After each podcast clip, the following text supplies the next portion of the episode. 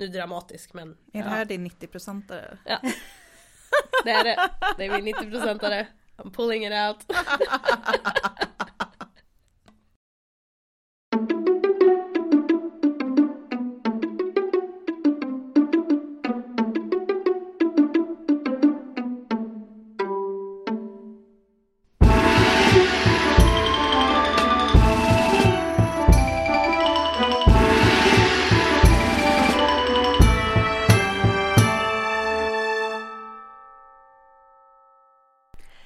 och välkomna till Podius Castus, en podd om antiken. Vi som sitter här idag är jag, Hanna.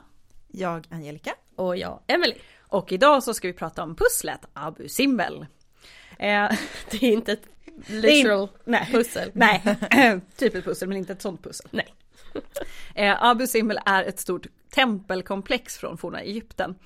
Och jag tror ju att väldigt många skulle känna igen det här om man såg bilder på det.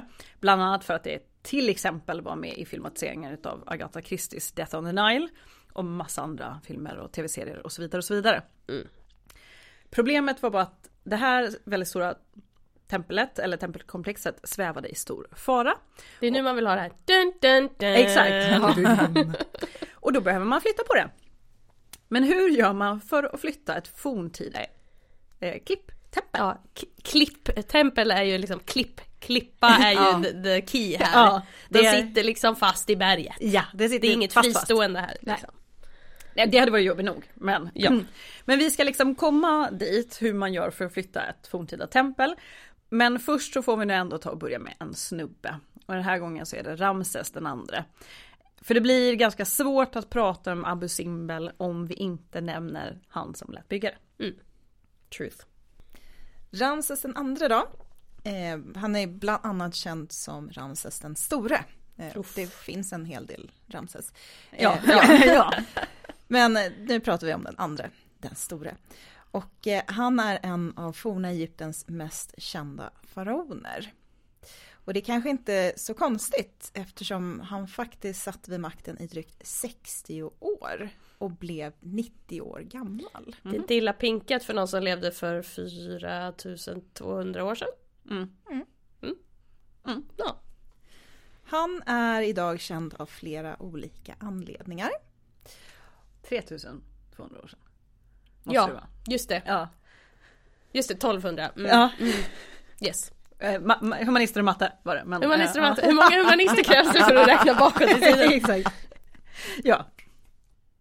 Han är idag känd av flera olika anledningar. Om man är bekant med Ramses så har man säkert hört talas om slaget vid Kadesh. Vi har ju ett, eh, ett minisnitt Mm. eh, om det här slaget, så lyssna gärna på det. Men för att sammanfatta det hela så utkämpades det här slaget mellan den tidens två främsta stormakter. Och då är det då, då, då är det då Då är det då. Då är det då. Mm. det egyptiska nya riket och Hatti. Och Hatti var hettiternas rike i mindre Asien. Säg det fort eh, ett antal gånger. Hatt i tidernas rike. Eh, Egyptierna de leddes av farao Ramses den andra. Medan hettiterna leddes av kung Muwatalli den andra. Mycket andra här. Mm. Ja. De är jä- jäm, jämna så i alla fall. Absolut. Striden dateras vanligtvis till år eh, 1274 före vår tidräkning. Baserat på den egyptiska kronologin. Och det här är under Ramses femte regeringsår. Och eh, det är det äldsta slaget i den bevarade historien där detaljer kring striden är kända. Det är coolt. Det är lite häftigt. Och som ett resultat av inskrifter och texter är det det bäst dokumenterade enskilda slaget från hela den antika historien. Det är också så här, inte nog med att det är det första. Ja. Det är också det bäst eh, bevarade. Ja. Eller bäst detaljer, mest detaljerade. Det är lite, lite coolt. Mhm. Men eh, det är också det att, att slaget vid Kadesh räknas som oavgjort. Det är liksom ingen tydlig segrare. Så roligt Nej. såhär bara, nej vi, vi går hem nu, jag orkar inte mer. Ja, vad jobbigt. ja. Och därför, eftersom det inte fanns någon tydlig vinnare i den här striden, så ledde det här också till det som anses vara den äldsta bevarade fredsöverenskommelsen. De tickar så många boxar med det här Verkligen. slaget. Ja. De bara, check på den, check på den. Alltså forna Egypten generellt Ja. tickar ju boxar. Ja, så ja, det absolut. All over det. the place. Ja, Mm. verkligen. Såklart så har det här gjort Ramses andra känd i vår samtid. Men tack vare sin egna propaganda så var det här slaget och då hans påstådda vinst. Precis, det är därför de, vi kallar det oavgjort. För att Ja. båda sidorna sa att de vann. Ja. Exakt. Så det här slaget var alltså väldigt känt i Egypten under hans samtid.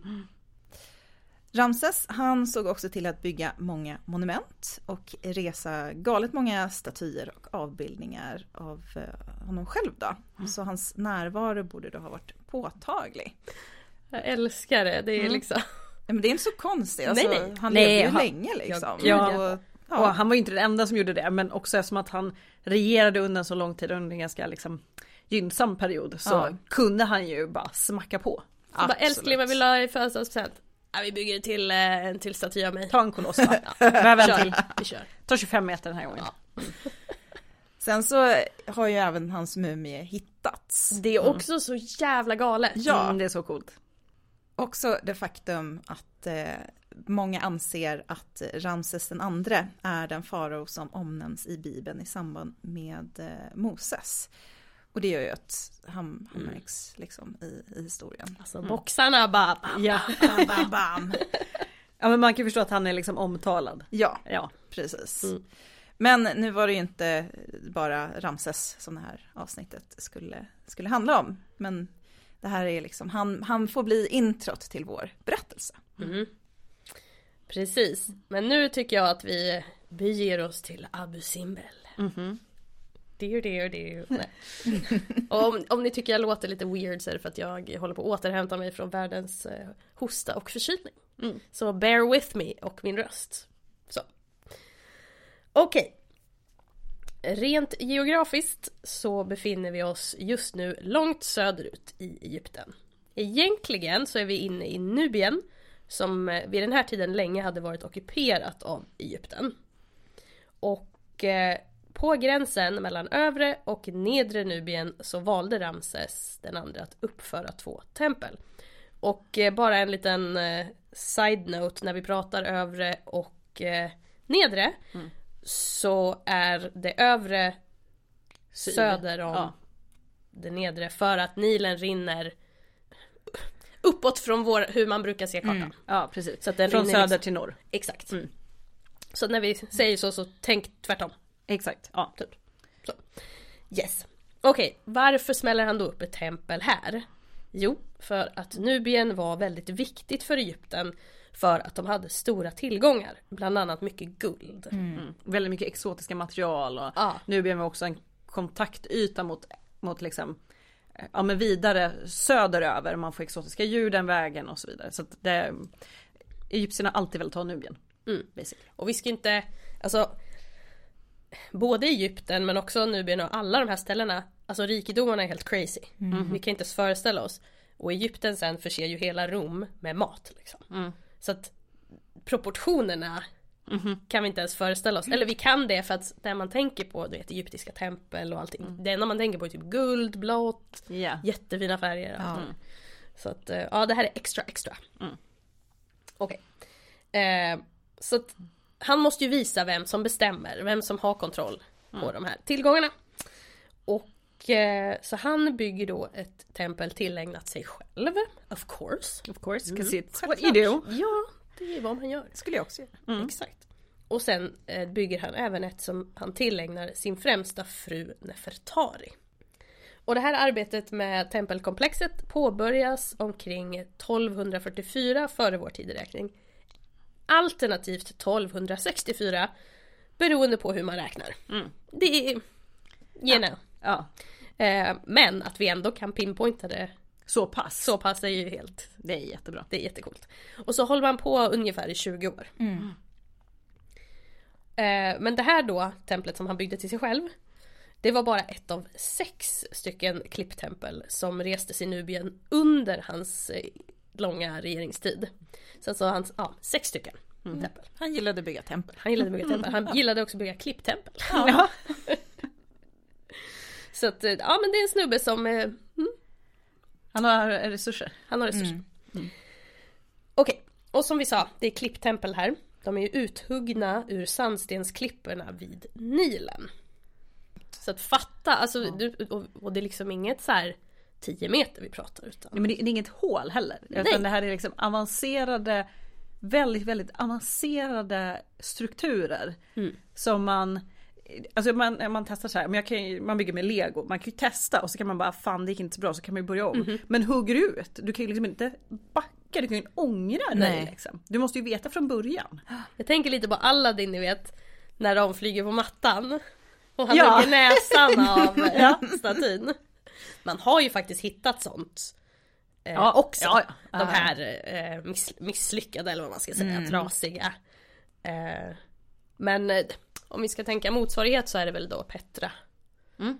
I Jordanien. Mm. Eh, de har ju något liknande. Jag tänker lite också så här, det var väl inte så... De fick väl inte göra fel här. De är också skickliga på en nivå som vi inte ens kan förstå. Ja, absolut. Ehm, och det, jag tror det är därför många har så svårt att förstå hur man eh, för så länge sedan kan bygga så komplexa saker. Ja. För att det är omöjligt för människor att förstå när ingenting är automatiserat. Nivån man kommer till när du är specialiserad och gör det här, nu pratar vi inte 10 000 timmar. Vi pratar typ 100 000 plus timmar. Mm. Förstå då skickligheten. Det, det kan vi liksom, ja. Det finns nog ingen idag som lever som är så pass skicklig på någonting överhuvudtaget skulle jag säga. Men, men också det att man kom, alltså människan kommer så otroligt långt med ganska lite teknik. Alltså vi är ju så vana vid, jag må bara titta på vår livstid, vi som sitter här, man gick från att det är liksom man inte ens, mobiltelefonen fanns inte till att vi idag sitter med en smartphone Mm. på en ganska kort tidsperiod. Vi är vana vid en smartphone, allt du kan göra i den. De hade ju ingenting sånt. Men tekniken, alltså det är ju ettor och nollor, ettor och nollor har funnits. Ja, Så att ja, du var tvungen att sitta och räkna manuellt men du kunde ju fortfarande räkna. exakt. Eh, det tar lite tid men de hade de här specialisterna, de hade Minecraft. Eh, ja, Ja. det, det gick. Och när vi pratar Minecraft här så är det faktiskt betalda arbetare. Mm. Det är, är liksom väldigt- inga slavar här, det är Nej. väldigt viktigt Mm. eh, att påpeka det. Ja. Templet som han uppförde åt sig själv var såklart som tempel är tillägnat gudar. Det var Amun, Re och Ta. Eller Ptah. Men också den gudaförklarade versionen av honom själv. Mm. Okej nu, vi sa ju det, här, det är inte 10 meter vi pratar om.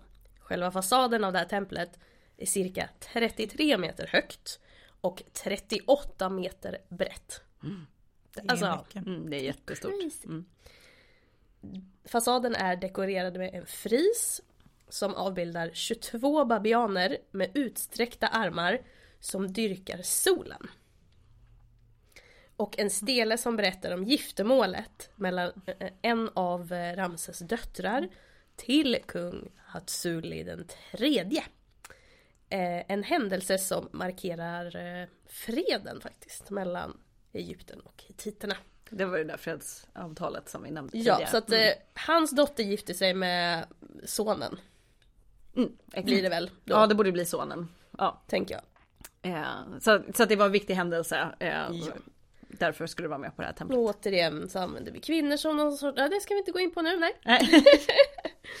Okej, och framför den här fasaden så sitter det fyra kolossalstatyer av Ramses. Två på varje sida om dörrarna. Och de här statyerna är ungefär 20 meter höga. Och eh, Ramses då, faraon, han avbildas med dubbelkronan. Som visar då att han styr över både nedre och övre Egypten. Och eh, runt benen på statyerna så finns det fler, fast mindre statyer. Och de når eh, farao upp till knäna, tänker då han sitter ner. Mm. mm. Och eh, de eh, som är avbildade det är hans främsta hustru Nefertari, hans mamma, eh, också hon som var den tidigare drottningen. Muttuj, hans eh, första två söner, Amunher Kepsef och Ramses B. Det känns liksom som att någon har bara döpt honom i efterhand bara äh, let's, let's do B. Let's do B. Du är A, du är B. Fy fan. Okej, och eh, även hans sex eh, första sex döttrar. Bintanat, Bintanat, Baketmut, Nefertari, Meritamen, Nebetawi och Iset Nofret. Damn! Ja. Tunga rätt i mun på dem alltså. eh, Ramses han ska ha fått väldigt många barn. Han hade ju många fruar. Han hade, Han hade många fruar. Ja. Mm. Det är därför vi säger främsta fru på Nefertari. Ehm, han ska ha haft så många som typ 100 barn. Ja. Och helt ärligt, beroende på hur många fruar du har, är det inte så jävla svårt att komma upp i 100. Nej, inte med tanke på om han blev 90. Nej. Ja. Och jag menar, technically every time, Mhm. varje gång du har trevligt så kan du göra någon gravid liksom. Mm. Okej. Eh, själva dörren in till templet, den är krönt av reliefer som föreställer farao som tillber Ra, vars staty står i en stor nisch. Och när man väl kommer in i templet så möts man av en stor hall med pelare. Och om vi ska prata om själva layouten då, så är den triangulär. Så att som många andra, eller kanske till och med de flesta eh, forntida egyptiska templen I alla fall klipptempel. Ja precis. Så, så är rummet större eh, från ingången och så minskar den längre in Mm. eh, in i helgedomen helt enkelt. Liksom. Du får en ganska bra siktlinje. Så, Ja. liksom. Så att estetiskt måste det ju varit ganska coolt tänker jag. Ja. Mhm, mm. ja, man kan ju besöka det idag. Man kan ju gå Ja. in i templet idag. Mm. Men eh, själva templet är ganska komplext i sin struktur och på grund av eh, att den har ganska många sidokamrar så är den faktiskt ganska ovanlig till och med. Får se. Okej, först har vi den så kallade hypostylhallen, eh, något förrum typ. Det är det här Eh, första pelarrummet man ja. kommer in i. Mm. Exakt. Och det är 18 meter långt och 16,7 meter brett. Och det stöttas upp av åtta enorma Osiris-pelare. Och eh, ja, då, då är det väl Osiris på, Precis. alltså Ja. format som Osiris eller ja. Ja det är det är ju ehm, relieferna på den som, som skildrar liksom Ramses eh, som deifierad och kopplar honom till Osiris för att koppla ihop eller visa att han är ehm, evig, alltså att faraon är utav evig natur. Ja. Och eh, relieferna som är på väggarna i det här förrummet då. De skildrar stridsscener i de militära kampanjerna som Ramses förde. Mm. Och väldigt många av de här scenerna avbildar då slaget vid Kadesh. Såklart. Det här är ju en av källorna till all information om Kadesh. Ja, exakt. Och den mest berömda av de här relieferna, de visar farao på sin vagn som skjuter pilar mot sina flyende fiender.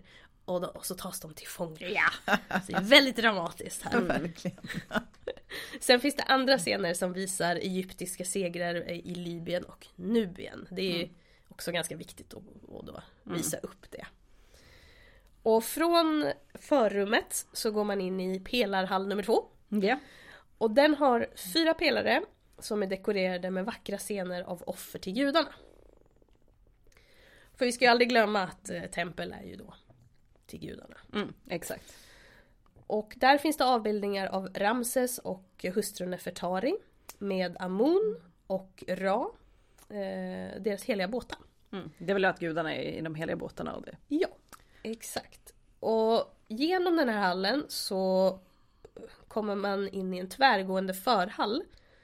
Eh, och i mitten är ingången till själva helgedomen. Så att vi har inte ens kommit in än, vi har bara varit i hallen och, och strosat runt. Jag Liksom. har liksom inte kommit till det bästa.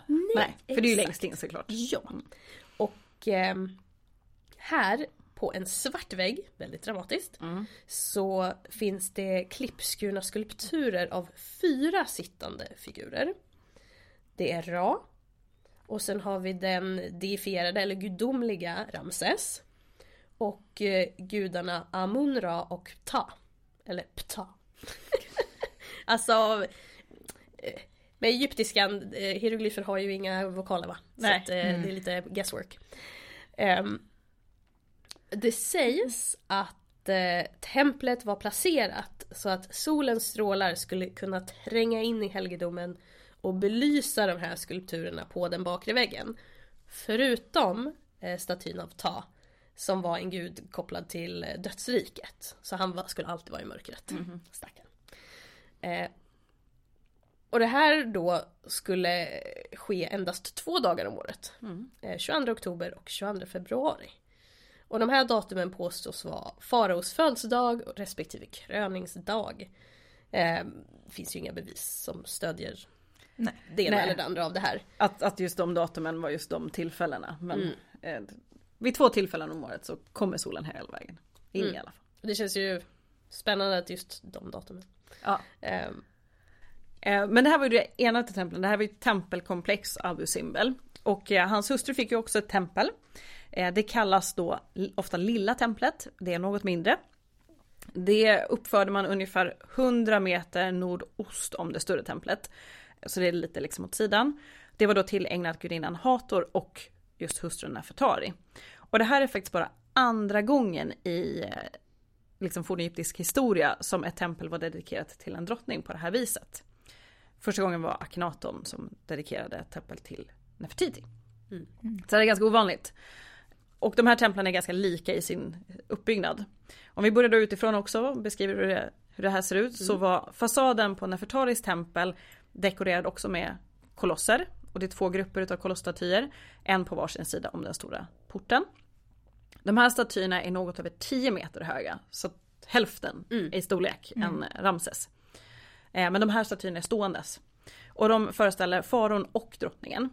Så på var sida om portalen, eller porten, finns det två statyer av faraon.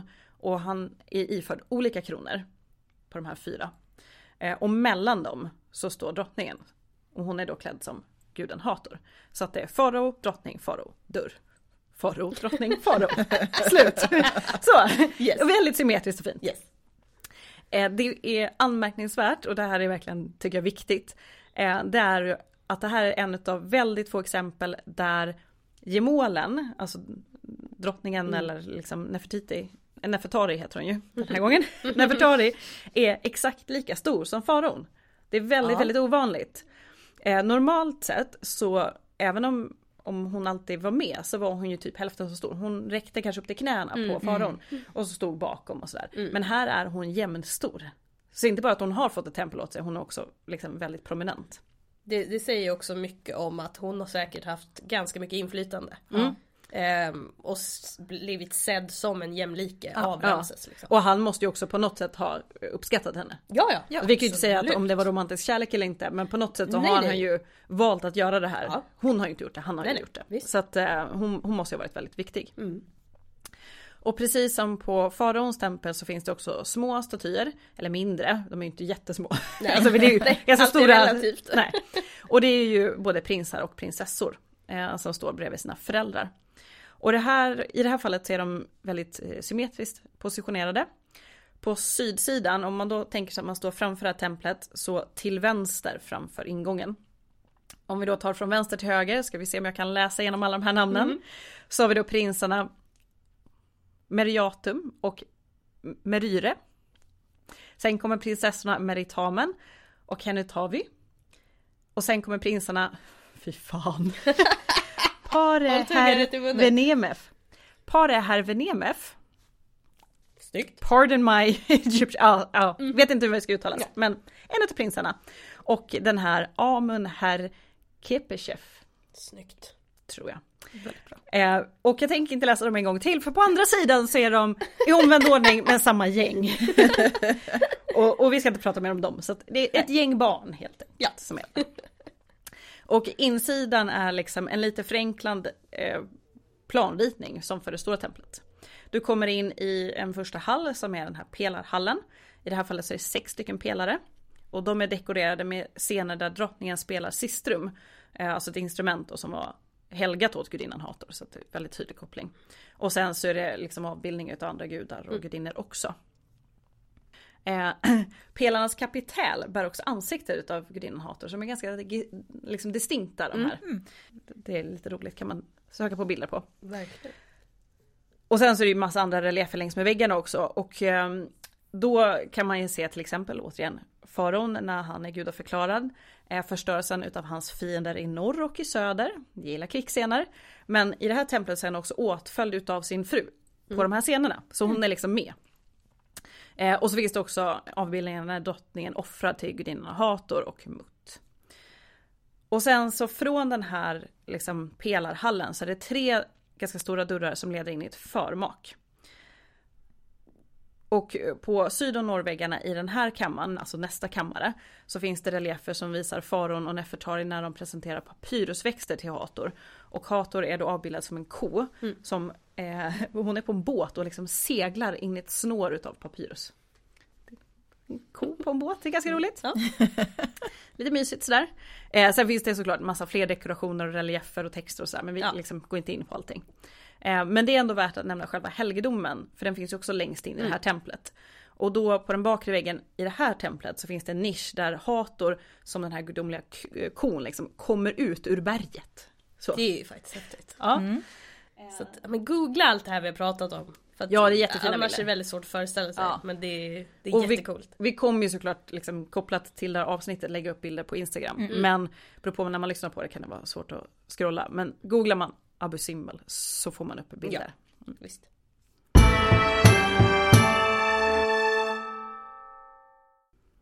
Varför behövde man då rädda de här två templen? Ska vi komma till eh, Pusslet! pusslet? Ja. Pusslet, precis. Precis som med så mycket annat så slutade templen att användas. De eh, ligger också så till att eh, mycket sand, eh, eller låg så till, ska vi säga, Mm. att mycket sand drevs upp mot dem. Och det resulterade i att de helt enkelt täcktes av sand. Tänk hur mycket sand det är då. Ja, men, liksom, eller aggressivt verkligen. det är på något sätt. För att nu 30 meter Ja. Ja, som, ja. som bara blir täckt liksom. Mhm.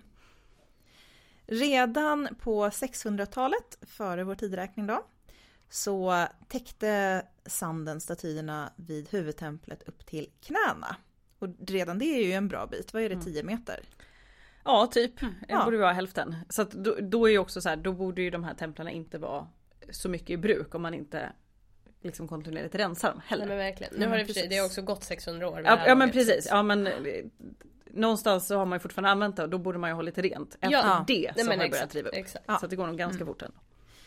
Och när templen väl var bortglömda, eh, eller om de, ja, man, man behövde dem inte längre, Mm. man ignorerade dem helt Mm. enkelt. Ja.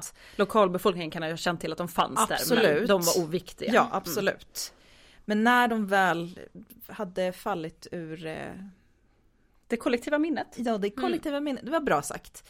Så skulle det dröja ett eh, bra tag innan de kom upp till ytan igen. Mm. Mm. Och eh, vi kan eh, ta oss ända in till 1800-talet. Efter då. 1400 år senare. Mm. Och eh, under det här och nästa århundrade så, ja, så att säga, återupptäcks många fornegyptiska monument. Återupptäcks, som du sa Hanna, lokalbefolkningen kanske visste om det här. Och, och precis som mycket annat när vi pratar om ordet upptäcka Ja. saker. Det är alltså kod för vita människor som uppmärksammar Precis. något Ja. som, som ni säger, lokalbefolkningen redan vet om. Ja. Ja, det var ju så västvärlden eh, fick upp ögonen för, för Ja. Hashtag white people. Egyptologi, egyptomani. Mm. Ja, Hände. Ja. hände precis. I det här fallet så var den schweiziska orientalisten Johan Ludwig Burkhardt som 1813 hittade den översta frisen på huvudtemplet. Han, han har säkert, det är säkert någon nisse som har sagt att den finns där och han Ja, men har det är gått väl och klart. tittat. Liksom. Men, då, men tänk då alltså övre flisen. Då är det ju väldigt mycket som är täckt av sand. Absolut. Han berättade om sin upptäckt för, om sin upptäckt, för den italienska upptäckaren Giovanni Belzoni som då reste till platsen. Som var en sån här strongman. Men det är en, Ooh. en side story. Ja det är en liten side story men ja. Eh, Men även om han har- var en strongman Mm. så klarade han inte av att gräva fram templets ingång. Bu. Eller hur? Men Belzoni kom tillbaka år 1817 och då hade han större framgång. Jag var tvungen att samla lite cash så han kunde pröjsa folk och gräva fram den. Mhm. Ja, ja, ja, men eh, det tjänar han ju på för att vad gjorde han när han hade grävt fram den? Han plockar grejer. Som alla Han plockar andra. grejer, det väl klart. Mm. Han tog allt av värde som var möjligt att frakta bort. Lovely. Han var ju inte ensam om det här beteendet Nej, nej, då. Eh, vi har ju pratat om det här väldigt många gånger i podden. Mhm. Eh, ett exempel är gästavsnittet med Ove Bring om eh, Partenonfrisen. Mm. Men eh, nu, det- ja, resultatet av det här, eh, förutom att allt av värde eh, som man kunde plocka eh, var borta, var ju att eh, templet i alla fall åter var synligt. Ja. Och eh, då hoppar vi framåt lite i tiden. eh, Till mitten av 1900-talet. Var drygt ett 100, 110, 20, 30, Mm. 40, 100, 133. Hur många humanistiker? I alla fall mitten av eh, 1900-talet. Då stod det tydligt att eh, det här magnifika tempelkomplexet riskerade att gå förlorat. No. Mm. Ja. Och inte bara, bara det här eh, tempelkomplexet utan en mängd av andra antika platser och strukturer i, i närheten. Mhm. Det var ju nämligen så här att eh, man, man skulle bygga en Mhm. damm. Japp. Aswan-dammen skulle byggas. Mm. Och det här eh, ansågs nödvändigt för att Egypten skulle kunna öka sitt jordbruk och sin elförsörjning. Vilket, ja, fair, Fair enough. enough. Mm. Folk ska leva också. Mm. Och eh, det var den eh, resulterade reservoaren, Nassersjön, som skulle komma att dränka Abu Simbel. Sjön har en yta på 5250 kvadratkilometer. Det är inte illa det. Nej. Och den sträcker sig från Sudan i söder till nära Aswan i norr. Strikt sett så eh, refererar Nassersjön till huvuddelen av sjön, 83 procent, Mm. eh, som då ligger på egyptiskt territorium. Mm. Och eh, den sudanesiska delen kallas Nubiska sjön. Och vi ska också nämna att runt 100 000 människor var tvungna att lämna sina hem och flytta på grund av dammen. Mm. Så det var inte enbart eh, Tempel. Nej, nej, som... Nej, precis. Det var Nej. inte en eh, öken liksom. Det, det var nog ganska omvälvande och eh, tragiskt på många personliga plan också. Mm. Absolut. Alright. Det är ett eh, hot. Det kommer ske. Hur gör man för, för att rädda all den här historien som, som kommer dränkas? Det är frågan. Det är frågan. Eh, och en betydande bidragande orsak till varför man gör som man gör är att eh, en stor del av Egyptens ekonomi är baserat på turism.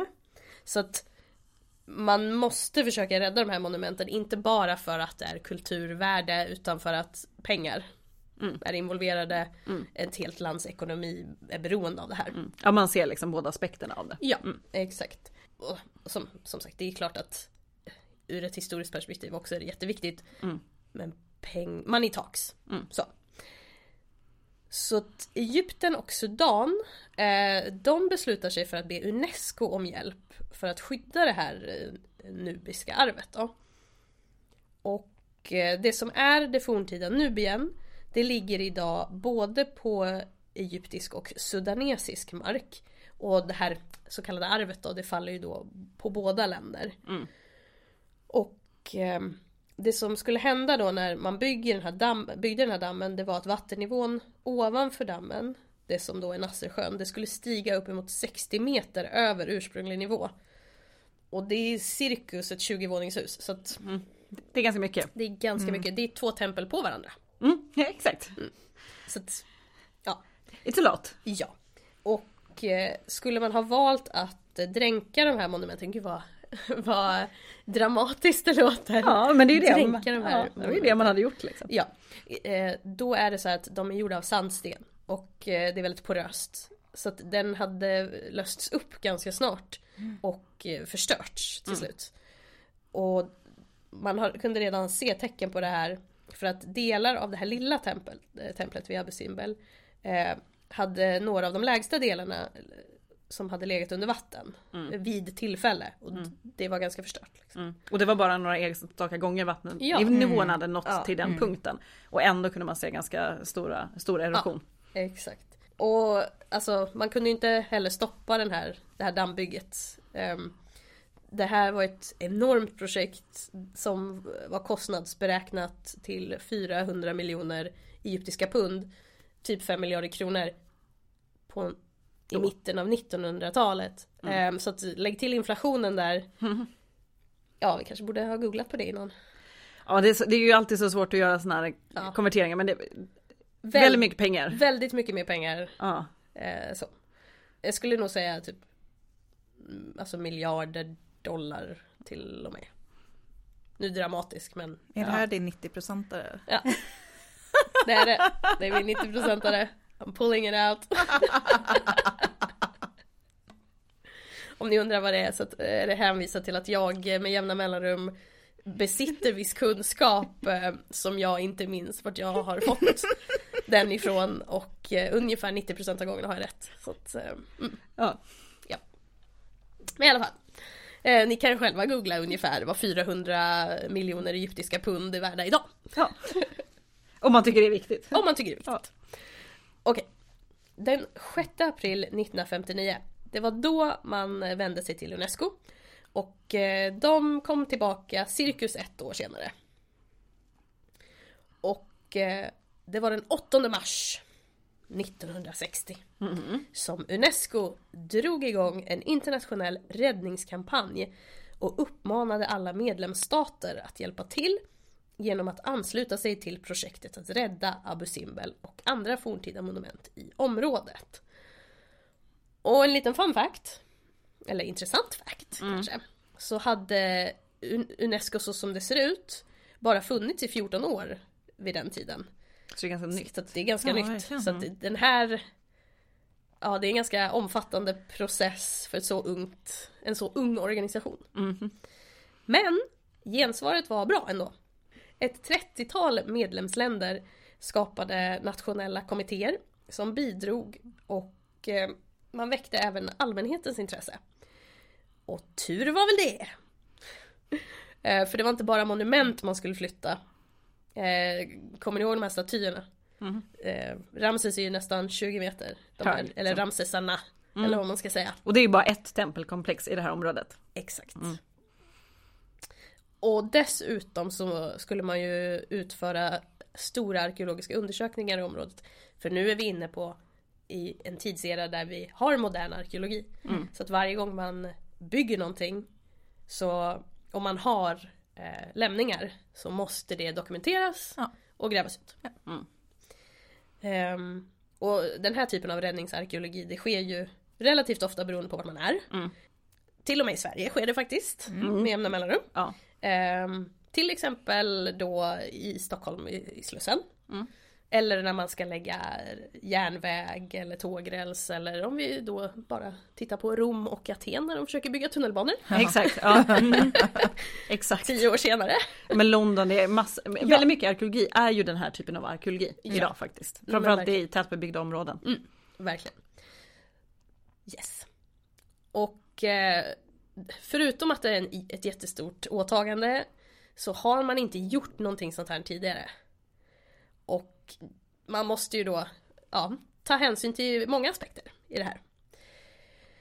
Och folk var kreativa i eh, idéer och förslag på lösningarna för att man, hur man skulle rädda Abu Simbel. Och ett kom från två franska ingenjörer. De föreslog att man skulle skapa en stor damm framför det här tempelområdet och skapa ett omfattande dräneringssystem. Eh, man avfärdade dock eh, ganska snabbt, dels på grund av riskerna med den här typen av dränering men också på grund av de stora driftskostnaderna och kapitalkostnaderna som det här projektet skulle inneburit. Alltså förstå, det är upkeep forever. Och det här är också, det är ju, det är då bara Abu Simbel. Vi pratar ju om ett enormt område Ja. med väldigt många andra monument. Så att, mm. Exakt. Så att det är liksom en no-go på den. Sen fanns det ett annat förslag. Det var att skapa en klar färskvattendamm runt templen. Där eh, vattnet inuti skulle hållas på samma nivå som Nilen. Och så skulle det finnas så här undervattensvykamrar och sånt. Det låter ju så jävla coolt Ja, men men. sjukt opraktiskt. och inte så bra för monumentet. Nej, och förstå också om någonting liksom spricker där. Ja, nej, exakt. Så det, det, det gick inte heller. Nej. Ehm, Men man hann ändå omsätta den Ja. idén till ett liksom, förslag Ja. som utarbetades av arkitekter och civilingenjörer. Så man kom ändå ganska långt i den processen. Ja, alltså 1962 är vi inne på. Mm. Så att eh, man kom en, en kom en bit. Men det som man sen fastnade för det var en idé som kom från Italkonsult. Om man uttalar det så. Ursäkta min... Jag, ja, jag tror att de uttalar det så. Ja. det är ett företag ett i alla fall. företag. Mm. Tror att de finns kvar idag. Cool. Mm. Eh, deras förslag var att man skulle skära ut respektive tempel i varsitt massivt stenblock och lyfta upp de här till en säker nivå. Alltså det- 30 meter gånger 38, I'm just saying. Ja, ja, det är ju bara liksom eh, frisen, du har ju djupet också. Ja, du ska ju in också. Ja, Mm. ska du då skära ut hela den här Lyfta upp ett helt Jajamensan. berg. Mm. Let's do it. Det, det, man kan läsa om det här på deras hemsida. Och det här förslaget eh, blev ju inte så. Nej. Eh, och då, det, det, beroende på hur man väljer att läsa, men det står lite så här syrligt att eh, det valdes en mindre elegant lösning. alltså det är lite så här, man kan tolka det som att det är lite syrligt så. Men eh, Jag gillar Mm. också så här. Fine, let's do it your way. Hur? Mm. Skämtar vi eller? Mm. liksom. Alright, nu kommer vi till en riktigt cool grej. för oss i alla fall. För oss ja. ja men, Ja, och för er men- som lyssnar också Ja. tycker jag. Jo, jo men ja, det var. Och, så- och som för, för, oss, svenskar. för oss i Sverige. Ja. Den svenska vattenbyggnadsbyrån, eh, som idag är en del av Sweco, fick det officiella uppdraget att göra en förstudie utifrån det här förslaget. Då.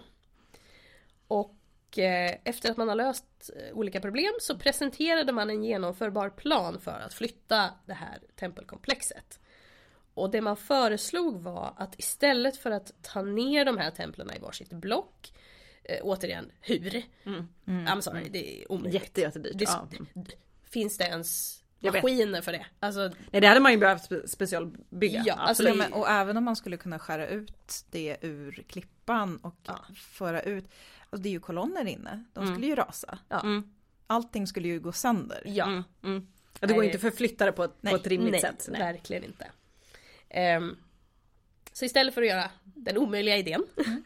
så eh, föreslog man att man skulle skära ner fasaden och de inre väggarna, eh, kolonnerna och statyerna i stora block som ett pussel. Mm, exakt. I princip hela templet i bitar. Ja. Och eh, även om, om ingenjörs och arkitektarbetet genomfördes av Vattenbyggnadsbyrån så var det ju såklart eh, många andra företag som var eh, involverade. Det var ju ett, ett antal stora byggnadsfirmor som, som jobbade med hela processen och då har man skapat liksom ett samarbetsbolag Joint Venture Abu Simbel, JVAS. Förkortat JVAS. Ja. Och huvudadministratör för det här företaget var tyska byggfirman Ho- Hokitef. Hortif. Hoch, ja tack. Hon som, hon som någon gång har läst tyska får uttala det. Jag kan inte det. Och det som är ganska roligt är att om man googlar på det här så är det väldigt många firmor som har på något sätt varit involverade som har kvar det här som en del av liksom berättelsen om sig själva. Det här är fortfarande kreddigt idag. Ehm, man kan gå in på Sweco och läsa om det här, man kan gå in på Italkonsult och lä- läsa om liksom deras version av det här. Så det finns väldigt många olika versioner om hur viktig del de enskilda företagen har spelat i den här processen. Och eh, vi kan ju som lite kuriosa nämna några andra svenska företag som var delaktiga. Eh, Sandvik eh, specialtillverkade sågblad som man använde för att skära ut de här stora stenblocken. Eh, svenska företaget Atlas Copco bidrog också med kunskap och utrustning. Och det var ju framförallt bergborrar eh, som drevs med pneumatik för att liksom, ja, få till det här. och eh, själva tempelflytten sen utfördes av ett konsortium där Skånska Cementgjuteriet, alltså dagens Skanska, eh, och Svenska Entreprenadsaktiebolaget ingick. Alltså så coolt! Ja, så det var väldigt många svenska företag var med och gjorde det här möjligt. Mm. Så det är lite roligt. Men själva räddningskampanjen då, eh, kommer ihåg att det var 1959 som man vände sig till Unesco. 60 drog man igång hela det här projektet. 64, det hände bara gått fyra år för någonting som man aldrig har gjort innan. Det är... Det är ganska snabbt. Så, Tänk vad man kan åstadkomma när man jobbar tillsammans. om man Ja. vill, exakt. Så 64 så på- påbörjar man själva arbetet. Och ett av de första sakerna man gör det är att bygga någon, en typ av så här säkerhetsdamm framför tempelkomplexet för att vattennivåerna är redan på väg upp. Ja man håller ju på att bygga det här nu. Mm. Ja, precis. Den här dammen håller ju på att byggas. Ja, liksom. och det, det är Nilen, det, liksom, det händer saker. Mm. Och sen under fyra år så monterar man ner hela tempelkomplexet. Jäklar, alltså. Ja. Och då såg man det i bitar blockvis. Eh, Det här är alltså enorma legoklossar, det är Mm. typ det vi pratar om. Eh, Om man då ska titta på ja, vad de väger för att ni ska få en bild. Det är alltså i snitt så väger en sån här, ett sån här block 20 till 22 ton. Det- Men ibland så mycket som 30 ton. Tänk er då x antal block gånger de som ville såga ut hela skiten. Ja, exakt. Ja, för det var nog så svårt nog att flytta de här. Och totalt så blev det eh, 1042 block. Alltså det är helt galet. det är helt galet. 1042 gånger, ja men säg 25. Ja. Ja. Och eh, en, en, en som man bara tänker bort den aspekt som du lyfte att det faktiskt skulle, inte skulle gå att flytta för att saker och ting skulle rasa. Det skulle inte gå att hålla intakt. Men eh, då, nu har man sågat ner det, det är block. Eh, man ska också flytta dem. Eh, så då märker man ju upp alla delar väldigt, väldigt noga. För de ska ju tillbaka på rätt ställe. Det blir 26 050 ton. Åh. Ja, då vet vi det. Herregud. Ja. Och det här är ju de, ja, det här är ju de, de, båda templen då. Men eh, ja, de ska ju ändå flyttas. Ja. Och man hade valt ut en ny plats och den är cirka 65 meter upp och ungefär 200 meter bort då från strandkanten. Skönt, man behöver inte flytta dem så långt alla Nej det är inte jättelångt. Eh, De, de ska liksom upp och liksom lite längre bort. För de ska ju fortfarande ha den här relationen mot Nilen i tanken. Och det här, alltså trots att det är ett stort stentempel så är det fortfarande väldigt känsligt. Mm, det är ändå ganska skört. Ja. Så att det krävs ganska, vad man ska man säga, manuella steg. Det är ju självklart jättemycket då modern teknik som används för att ens genomföra det här. Men man måste ta det varsamt och en del steg var bättre att göra för hand. Alltså människans egna kraft. Det var lite säkrare. Lite enklare att styra över också. Och sen ska man ju få upp det igen. Man ska inte bara liksom sätta upp det utan man vill också, eller man måste ju, man kan inte bara stoppa in det för då blir det ett hål. Du måste ju ha en kulle. Ja. Det måste ju in i ett berg igen. Ja. Men det finns inget berg här. Du ska ju inte hugga ut ett nytt tempel. Nej. Så man måste också bygga ett nytt berg. Ja. Absolut. As you do. lilla detaljen. Ja, ja. Eh, så det blev liksom som ett hus åt det här tempelkomplexet. Och då ska man komma ihåg att de här två templen ligger inte exakt bredvid varandra. Det är Nej. 100 meter mellan dem. Mm. Eh, och sen så lägger man också ner väldigt mycket krut för att få templet i rätt axis. Så att man kan få den här samma intressanta effekten utav solen. Alltså när, att den bara lyser hela vägen in vid två dagar på året. Alltså jag gillar det. Ja, Att de, att det de det. är, kreddigt tycker jag. Ja. Att man ändå, man, det, man la ner, självklart la man ner otroligt mycket arbetstid på det här. Men det verkar som att man har tänkt väldigt mycket också. Mm. Ja, men så här, göra om och då gör vi det rätt. Mm. Typ. Ja. Verkligen. Lite annat än när man grävde, eller tog, flyttade på ehm, Vad heter det? I London. Eh, som de flyttade på. Mitras-templet. Mm. Som de hittade när de grävde i London. Som de plockade ner och satte upp och sen har det visat sig att oj då. Det var väl inte riktigt så här det såg ut. Whoopsie daisies! Eller för den delen eh, Nilen-mosaiken. Ja. Ja. Mm. Som de bara, oj hoppsan, vi kommer inte riktigt ihåg hur den skulle sitta ihop. Löser det. Let's freestyle. Let's freestyle. Man lever och lär I guess. Ja, absolut, absolut. Eh, ett annat exempel som också är lite spännande på hur man tänkte när man eh, ja, skulle uppleva det här nya templet, eller nya, men Mm. nya. Så det var hur man valde att hantera en, av, en, en skada på en av kolosserna. Den kolossen direkt till vänster om entrén eh, till det stora templet då, en av de sittande Ramses den andre, hade skadats i en jordbävning. Och det här var väldigt, äh, väldigt långt innan Mm. räddningsuppdraget. Så statyns huvud och delar av överkroppen hade ramlat ner och låg vid statyns fötter. Och när templet hade flyttats och byggdes ihop så valde man helt enkelt att placera de här delarna på samma sätt som man hade hittat dem då. Istället för att montera tillbaka dem på statyn, vilket man då kunde ha valt att göra. Mm. För man hade ju liksom resurserna. Mm. Mm. Men det här är återigen en så här perfekt exempel på när arkeologin börjar bli modern på Ja. riktigt. Mm. Ehm, för man har väldigt mycket, eh, alltså typ alla vaser man har hittat. Typ, ni vet de här fina grekiska amfororna och allting. Eh, de är så fina och hela. Ja, de absolut. grävdes ut 1700-1800-tal. Vad gör de? Mycket, många av dem var ju trasiga. Mm. De är alltså rekonstruerade. Och de är rekonstruerade så bra att vi inte kan se skillnad på vad som är en Mm. rekonstruktion och vad som är riktigt. Så att idag, om man gör det, då gör man det väldigt tydligt, om man rekonstruerar någonting överhuvudtaget, Mm. så gör man det jättetydligt vad som är rekonstruktion. Så att det här är ett perfekt sånt exempel där man säger, nej vi rekonstruerar inte ens utan vi låter det vara. Ja, Mm. Och det, jag blir så glad. Ja men det, det, ja, men det är snyggt. Mm. jag håller med, det är snyggt. det också. Det är, Mm. det är ett spännande beslut. Mm. Mm. Verkligen. Det är ju ändå rätt så tidigt. Ja. Ja men det är Mm. det. Det är det. Det är det faktiskt. Det är det valet. Mm. Ja.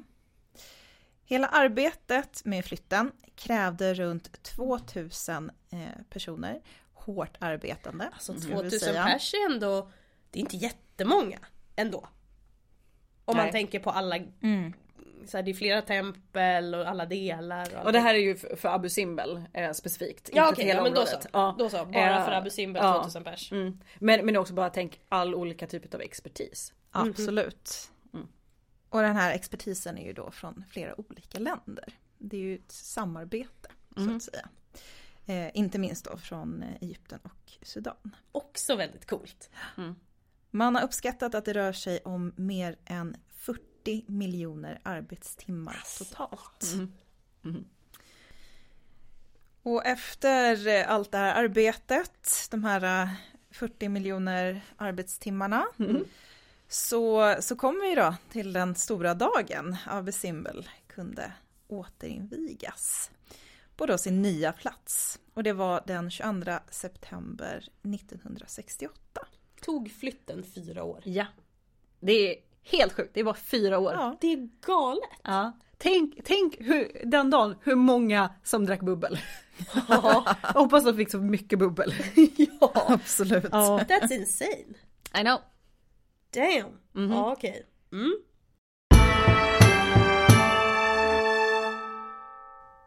Men eh, det var ju inte bara Abu Simbel som, som räddades, det har vi ju nämnt. Mm. Under Unescos paraplyprojekt så räddades sammanlagt 22, eller eh, 24 beroende på hur man räknar, eh, monument och tempelkomplex. Det här gjordes inom 40 tekniska uppdrag från fem kontinenter. Alltså. Det, det, är- ja det Alltså vilket samarbete! Ja. ja. Jag ryser typ. Ja, ja. men faktiskt. Den totala kostnaden för hela paraplyprojektet ska ha uppgått till 80 miljoner dollar, varav hälften donerades av cirka 50 länder. Då, då är det väl miljoner amerikanska dollar Då. då, Då. precis. Mm, Så det är ju, om om ni kommer ihåg att vi pratade om att 30 länder som skapar de här nationella kommittéerna. Mm. Så är det ju sen fler länder, Mm. för det var ju medlemsländer i Unesco. Mm. Så det är ju fler länder som donerar pengar. Ja.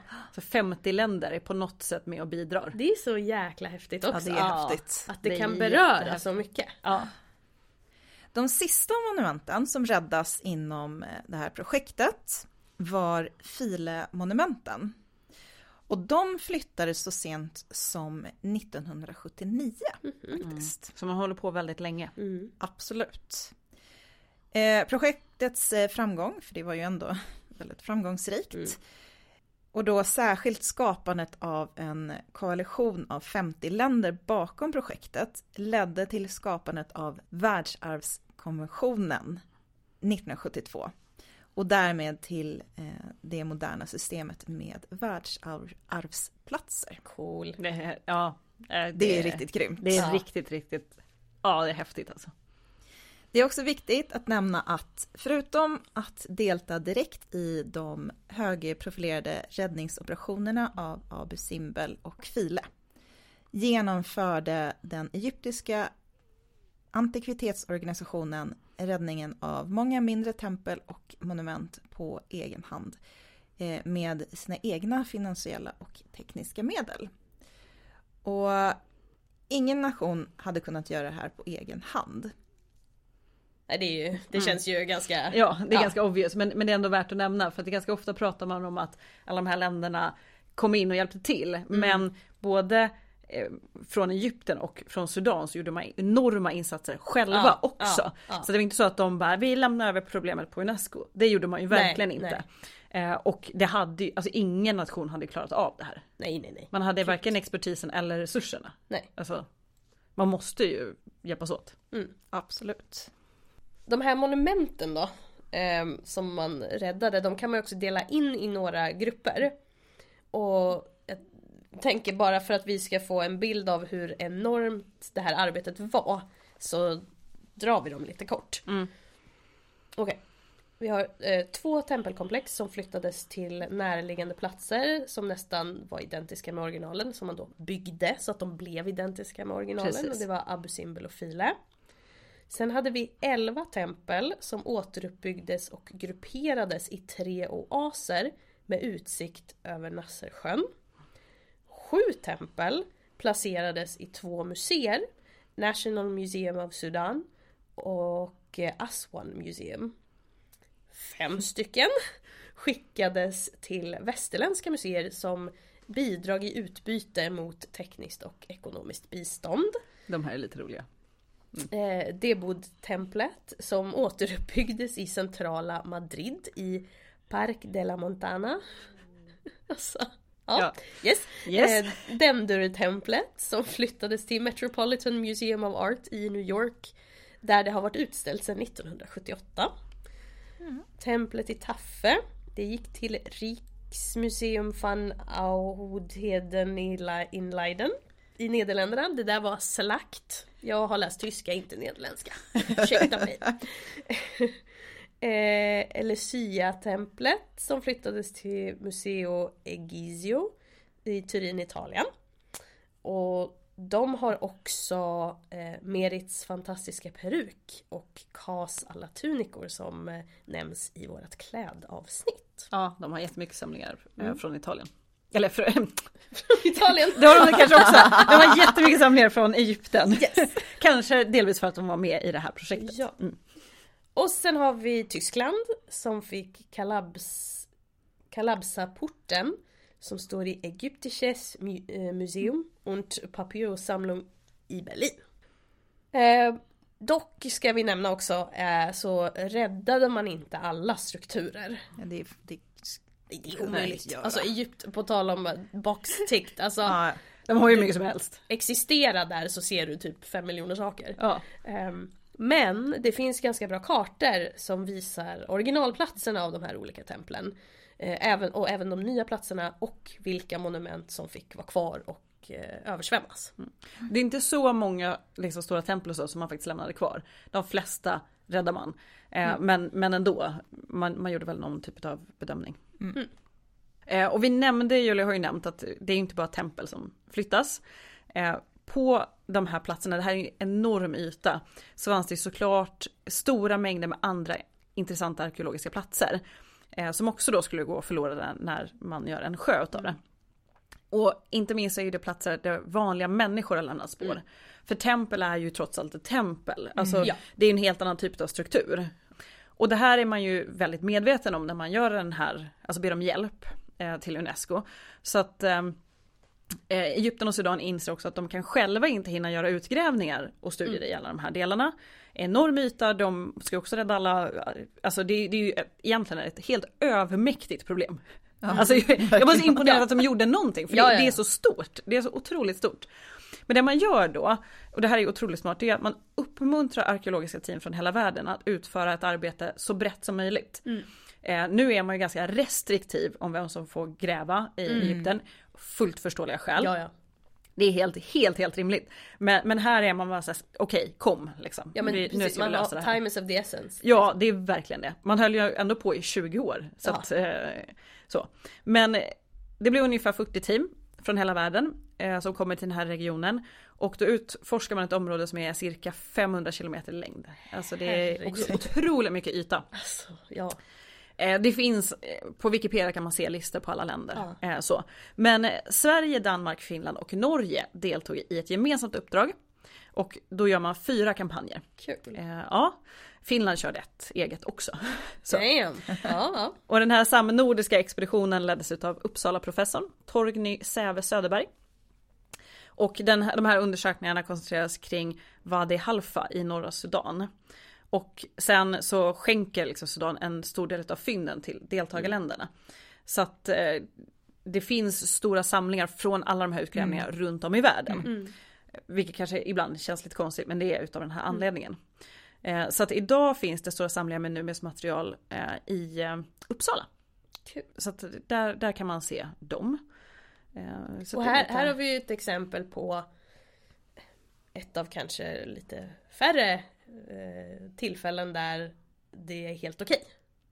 att man tar med alltså har, föremål. Där man ja. alltså har skänkt Ja. ja, precis. föremål och Ja. inte Oj då, jag hittade Mm. ehm, de här sakerna. När jag kom hem i min Ja. resväska Ja. så bara låg de där. Ja!